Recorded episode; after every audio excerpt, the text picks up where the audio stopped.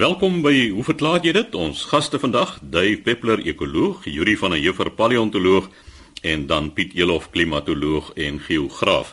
Dave, jy's eerste aan die woord en jy gesels oor Hadidas en die bonatuurlike. Nou hulle maak nog al 'n bonatuurlike geluid. 'n Brief van Pierre de Villiers wat sê ek bly reeds 30 jaar in Kuilsrivier en as ek reg opgelet het, het hierdie voel maar eers in die laaste klompie jare hier begin emigreer voordat dit baie in die Suid-Kaap veral in die George omgewing gewaar. Dit dit moes 'n skril en harde ha ha ha. Nou ja kom ons luister gou hoe klink hy die hadi daar?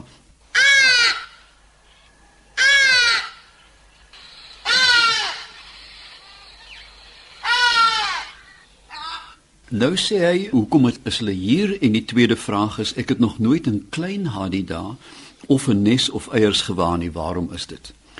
Pier, daar is twee maniere wat uh, veral voels om die wêreld versprei. Die eerste een is op die op skouer van 'n seerower. Dis nou maar 'n grappie, maar mense dra goed rond. Daai aklige Cecil John Rhodes het ons bemoei met spreeus, eekorings, die huismossies. Het hy van Engeland af gedra om to make him think back of old England en ons sit met die gebakte pere deesdae. Maar dit was nie net hy nie reg oor die wêreld het mense suurvoels rondgedra. Ek verkyk my elke jaar in Londen in die sneeu dat daar groen parakiete is, troppe en troppe en troppe kouvoels wat ontsnap het en genoeg het ontsnap om 'n baie gesonde bevolking daar te vestig en hulle is doodgelukkig in die koue Amazone parakiete wat nou in Londen oorleef. Maar dan is daar ook mensgemaakte oorsake en die enigste en duidelike rede hoekom Hadidas getrek het vanaf die ooste van Natal via die suidkus is die habitat wat ons verander het in terme van water en besproeide landerye. Dit het die beskikbaarheid van 'n volhoubare bron van kos vir die Hadidas moontlik gemaak om hiernatoe te trek. Ons moet onthou dat 'n voël byvoorbeeld soos die tarantaal het nooit in die Kaap voorgekom nie. Hy is hier ingedra. Hy is gestop deur die Karoo in die noorde en die woude van die Suid-Kaap en hulle is net oorgeplaas en ons weet dat die Afrika tarantaal vandag reg oor die wêreld as 'n um, ehm, tafelvoël geteel word vir al die vaal Franse bleek tarantaal. As jy hulle een sien, ry hom dood, skiet hom dood, slaan hom dood onmiddellik want hulle is besig om die genepool van ons tarantale lelik op te meng. As dit dan kom by die klein hadida of nes, ek dink in die hele pantheon van voelneste met die hadida op die rigterskaal van vrotneste 'n 9. Jy het in jou lewe dis 3 stokke wat een eier in die lug hou. En dis gewonder dat mens die nes dan nie raak sien nie. Jy dink eenvoudig hy sit op 'n tak, maar tog sit hy op 'n eier. Die enigste ander nes wat naaste by daarby kom is die Namakwa duifie. Die hemel weet alleen dat 3 stokkies se eier in die lug kan hou, kan ek nog nooit kon verklaar nie. Hadi daar val in dieselfde kategorie. Dit is interessant dat jy dit sê. Toevallig het ons langs ons huis 'n groot akkerboom en in die winter terwyl daar niks blare is of ten minste voor die blare ontwikkel, is daar 'n uh, Hadida paar wat elke jaar daar broei. So ons kan hulle nou van ons af met die verkyker beskou. Hulle bou hierdie absolute miserabele nes en uh, as jy lank genoeg wag en jy sit met die verkyker dan sien jy later daar kom die kleintjies se koppie uit. Sit hy ook daar rond en as hy kan vlieg, is die nes leeg en die volgende jaar is hulle weer daar. So hulle bou wel nes en hulle het wel kleintjies. Die tweede brief kom van Elbey Minnar van Drie Riviere en dit lui so: Geagte duif Peppler, U beïndruk met u kennis van sekere onderwerpe, dankie daarvoor, van die wetenskap of soos u dit welstel, dit wat ons weet. Maar as u op 'n wetenskapprogram dit byna as bewese waarheid wil stel dat Homo sapiens of ingewikkelde voelnesse slegs 'n natuurlike uitvloeisel is van die evolusionêre druk en beswaarlik toegeskryf kan word aan 'n meester skrynwerker, dan moet 'n mens kyk na waarop u u opinie berus en of dit wetenskaplik gefundeerd is om sulke uitsprake te maak. Ek ontken geensins die evolusionêre proses nie, maar net dalk meneer Peppler bestaan daar benewens tyd en ruimte van die natuur ook iets wat ons die bonatuurlike kan noem. Dit mag wees dat daar 'n meesterbrein op 'n buitenwetenskaplike vlak bestaan wat ons tyd en ruimte geskep het en alle stelsels beheer. Die moontlikheid bestaan verder dat selfs geheel ander stelsels as die natuur wat ons ken Met ander woorde, sisteme buite tyd en ruimte mag bestaan. Hiermee stem ek volkome saam. Hierdie wese in hoofletters mag selfs goed geskep het of nog gaan skep waarvan ons beperkte outjies geen begrip kan vorm nie wat nog van wetenskaplik bestudeer want dalk lê dit op iets wat ons dalk net 'n geestelike vlak kan noem. Hiermee stem ek ook saam dat die geestelike vlak wel bestaan en uiters belangrik is. Dus liewe vriend, as jy kies om die natuur te aanvaar as waarheid, is wonderbaarlike nessie sekerlik verklaarbaar as iets wat bloot spontaan ontwikkel het. Maar as jy met jou goeie verstand ruimte maak vir die bonatuurlike, vind jy 'n wonderwêreld met onbeperkte moontlikhede wat oopgaan en jy's nie meer so seker wat jy van die wetenskap weet nie met vriendelike groete. Nou my eerste beroep wil ek graag net as antwoord een van my gunsteling skrywers en vuurvreters aanhaal en die man se naam was Mencken, H.L. Mencken en hy het die Minority Report geskryf 'n wonderbaarlike stuk leeswerk wat jy veral op 'n vakansie kan neem. En wat ek hier gaan sê is geen refleksie op die briefskrywer nie, maar wel op 'n algemene tendens. Dit is wat Mencken sê van hoe 'n mens dink. Hy sê the inferior man's reason for hating knowledge are not too hard to discern. He hates it because it is complex. Because it puts an unbearable burden upon his meager capacity for taking in ideas. Thus, his search is always for shortcuts. All superstitions are such shortcuts. The cosmologies that educated men toy with are inordinately complex. To comprehend their various outlines requires an immense stock of knowledge and here in cursief a habit of thought. En wat ek graag net aan die skrywer wil voorlê is hoe dink 'n mens aan hierdie komplekse sake? Vir my een van die boeiendste voorbeelde van ons onvermoë om selfs met die wetenskap om te gaan is die kernfisikus Edward Witten. Nou, hy is een van die sogenaamde string theorists en hierdie is 'n uh, baie gevorderde wiskunde wat ek nie naaste by verstaan nie en nooit sal verstaan nie.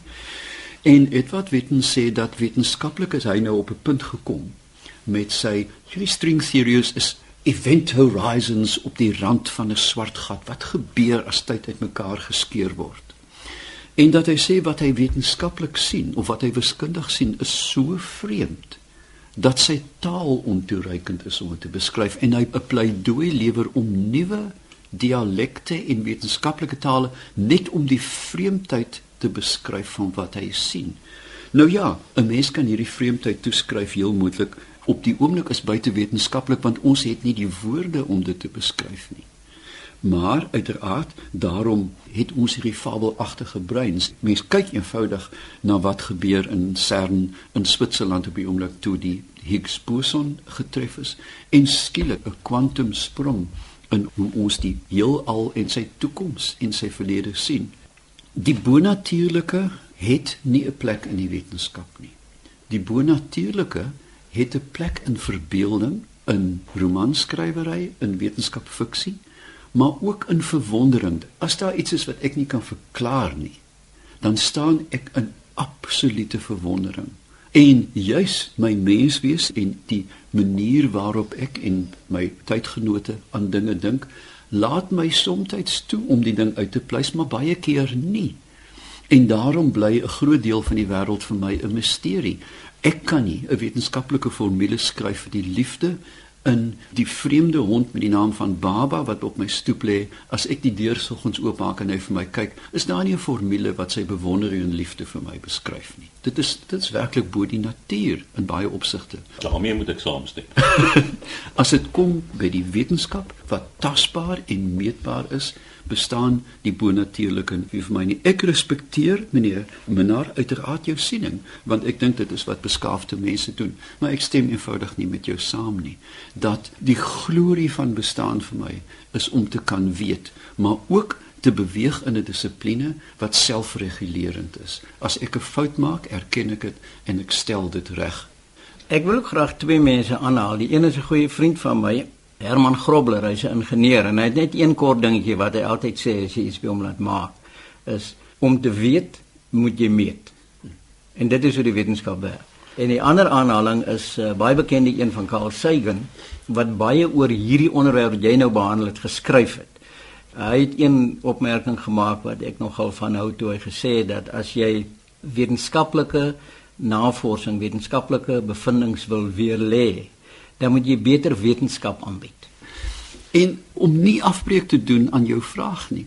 Die kompleksiteit en die verweefdheid van ons wêreld is so lieflik en so verklaarbaar. Ons het nie meer missing links nie. Ons weet waar die goed vir dit lê geskrewe in klip en in proefbuise.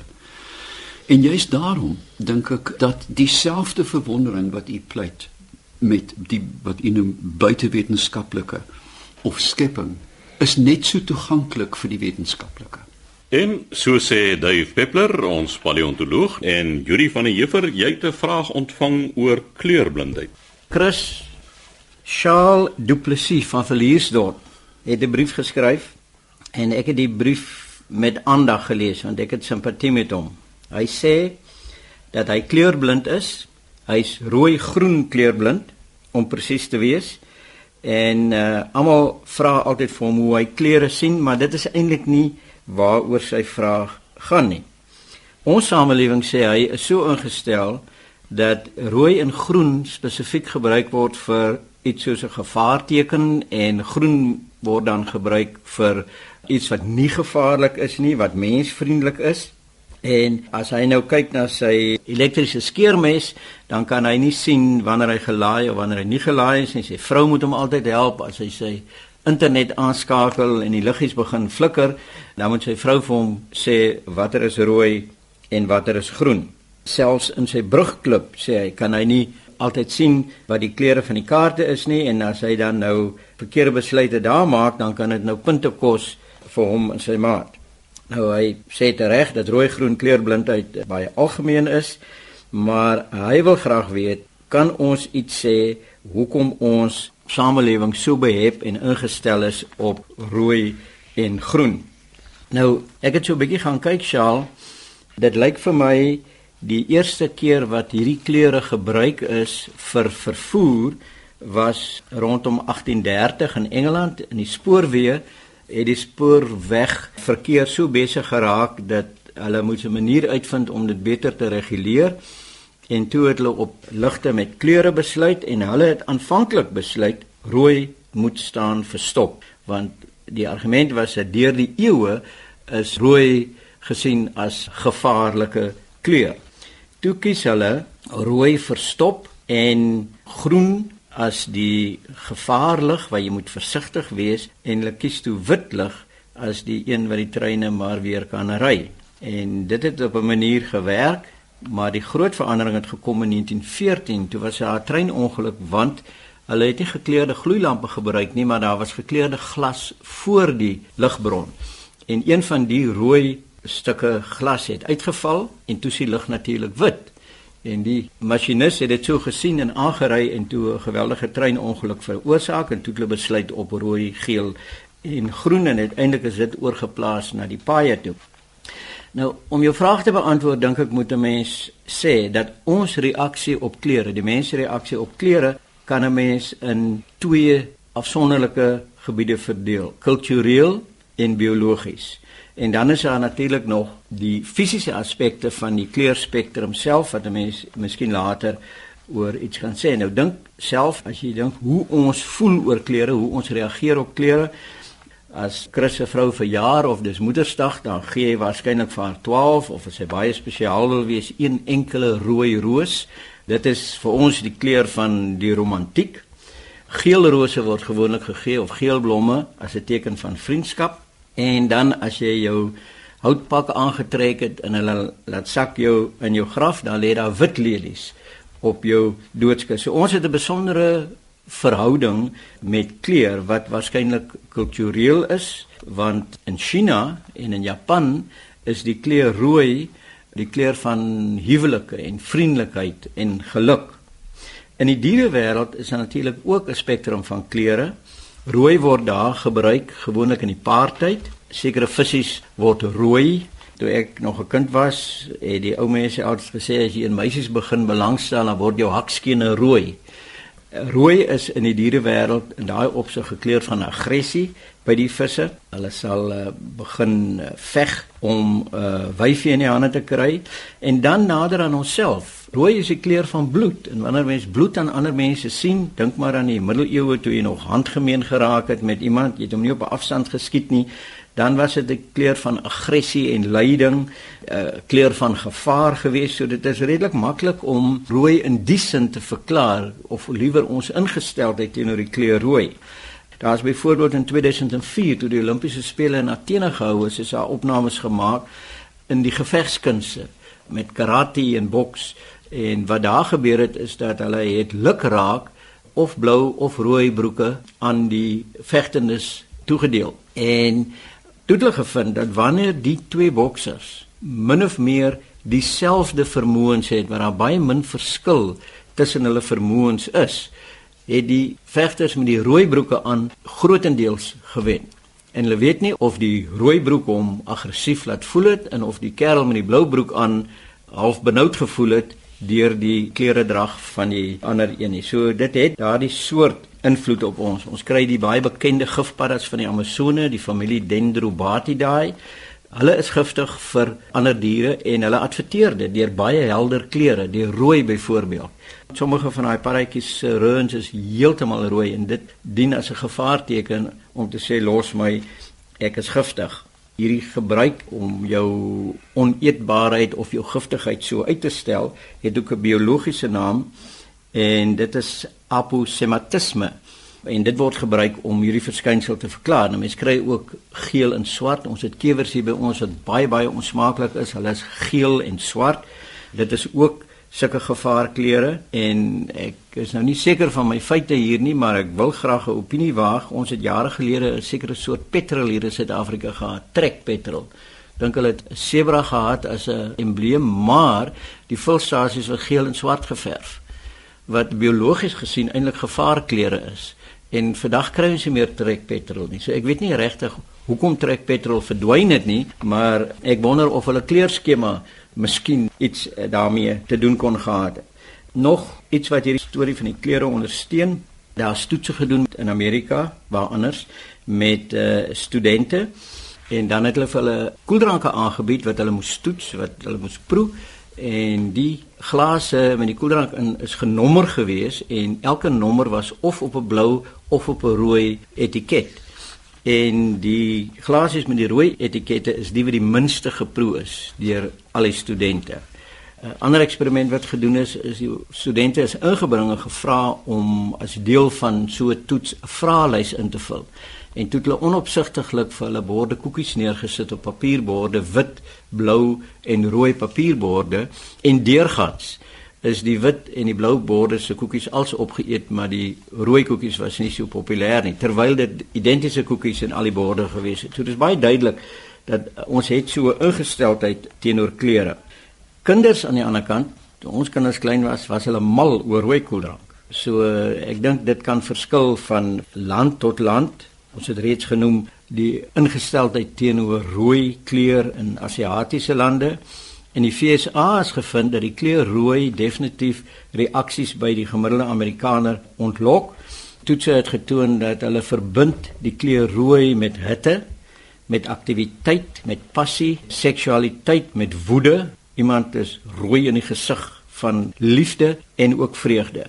So die kleur rooi het 'n sekere ingesteldheid by ons byvoorbeeld net na die Franse revolusie, hulle het mos die rooi vlag gehad, is die rooi vlag aangeneem deur die sosialiste en die kommuniste en ons vereenselwig uit 'n kapitalistiese kant uit daardie sisteme met 'n rooi vlag en dikwels 'n negatiewe konnotasie. Ek het ook iewers gelees lank gelede dat die eerste seerower vlag was rooi. Dit was die Franse seerowers wat 'n rooi vlag gehad het, die sogenaamde Joli Rouge, vrolike rooi. En toe die Engelse seerowers nou hulle eie vlag gemaak het met die skedel, hoof en die bene op 'n swart vlag, toe het hulle die naam verander na Jolly Roger. So dit kom blykbaar van die Jolly Rouge af. En ons assosieer kommunisme en rooi en die rooi plein in Moskou dikwels met 'n negatiewe konnotasie. En in Russies praat hulle nou van die rooi plein as die Krasnaya Plashad Maar dit is 'n ou slawiese woord. En dis die slawiese woord vir mooi, vir pragtig. So rooi plein beteken eintlik die pragtige plein en dit het bestaan lank voordat daar kommunisme gewees het.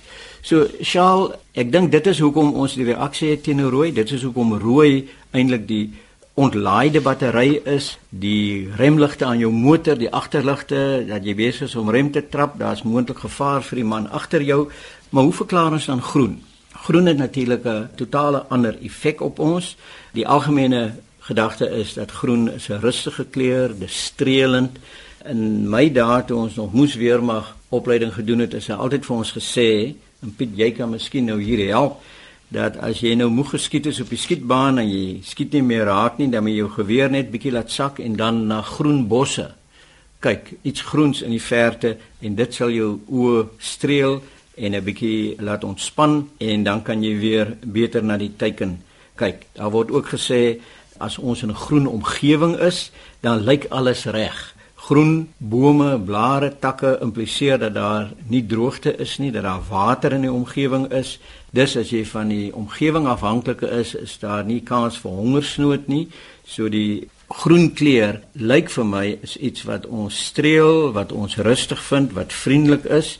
So ek dink nie dit is so 'n uitgemaakte saak die kwessie van kleur nie. Daarom moet mense praat van die feit dat dit kultureel is, dis biologies en dan die kwessie van die fisika rooi golflengtes of die golflengte van rooi lig is die langste van alle uh, ligte en uh, dit trek die verste so 'n mens behoort eintlik rooi die beste te kan sien in reënweer en mistige omstandighede. Geel is natuurlik ook 'n baie heller kleur, maar vanweë die lang golflengte lyk dit rooi is die regte keuse om as 'n gevaar sein vir mense te gebruik. So sê Yuri van die Heever, volgende aan die beurt Piet Elof, ons klimatoloog en Piet, jy gesê als oor sneeuvlokkies. Ja, Chris, net voor die manne se choppies op die rooster verbrand. 'n uh, Kort briefie hierso van Marius van Bloemfontein af. Hy sê hulle het een winter in die Noord-Oos-Kaap gaan vakansie hou en dit het gesneeu en die sneeuvlokkies het tydens 'n vreemde stilte neergedaal of neergesif grond toe. Hy sê wat is 'n sneeuvlokkie? Waar het bestaan hy en hoe vorm hy? Nou uh Marius, hierdie vreemde stilte waarvan jy praat, het ek menigmal in my kinderdae beleef daar in Oos-Griekeland, plek met die naam van Matatiele, dat jy hoor absoluut niks en die sneeuvlokkies die sif sweef eintlik.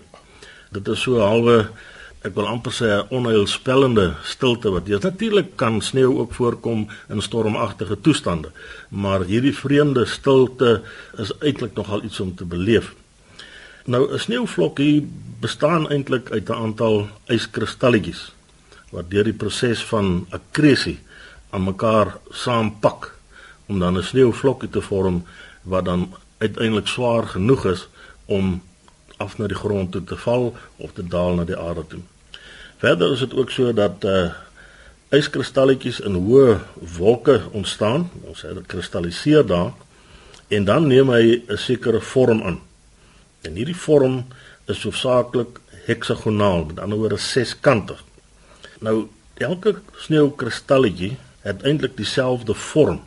Met ander woorde hulle vorm is uniform. Maar die patroon van daardie sneeukristalletjie, die verskil. Elkeen 'n verskil. Ek wil hê jy moet mooi let op wat ek gesê het. Die vorm is dieselfde, is uniform, seskantig. Maar die patroon, as jy kyk na fotos wat geneem word van hierdie yskristalletjies of die sneeuvlokkie vorm uiteindelik sal jy sien dat die patrone almal verskil. Nou, dit is eintlik 'n wonderwerk dat as jy dink hoeveel sneeuvlokkies, hoeveel yskristalle val. Ek praat nou nie van een of twee nie, ons het sneeu wat meters diep is. En dan sê die wetenskap vir ons maar die patroon, die vorm is dieselfde, maar die patrone verskil. Nou wat ons moet onthou is dat hierdie kristalletjies vorm eintlik onder spesifieke mikroatmosferiese toestande rondom daardie kristalletjie.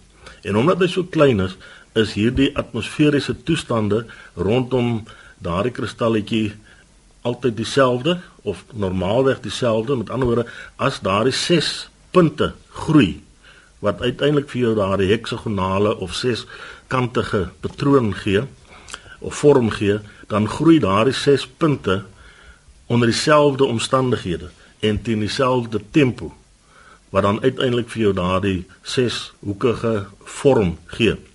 Omdat daar sneeukristalle verskillende roetes in wolke vervolg, is die patroon van elkeen op die ou end nie dieselfde nie, want die mikroatmosferiese toestande om elke kristalletjie die sal varieer. En daarom het ons op die ou end verskillende patrone binne daai yskristalletjie terwyl die vorm is heksagonaal, is seskantig. So Marius, ek dink julle moet maar julle sneeumanne geniet en julle sneeugevegte geniet. Op ander plekke raak hierdie sneeu 'n groot probleem en sneeu mense eintlik toe in hulle huise en moet letterlik met grawe, hulle deure oopgrawe, hulle motorhuise oopgrawe sodat hulle die voertuie daar kan uitkry. So sê Piet Elof, ons klimatoloog. daarmee het die tyd ons ook ingehaal. Jy's welkom om te skryf aan hoe verklaar jy dit? Posbus 2551 Kaapstad 8000 of stuur 'n e-pos aan chris@rsg.co.za.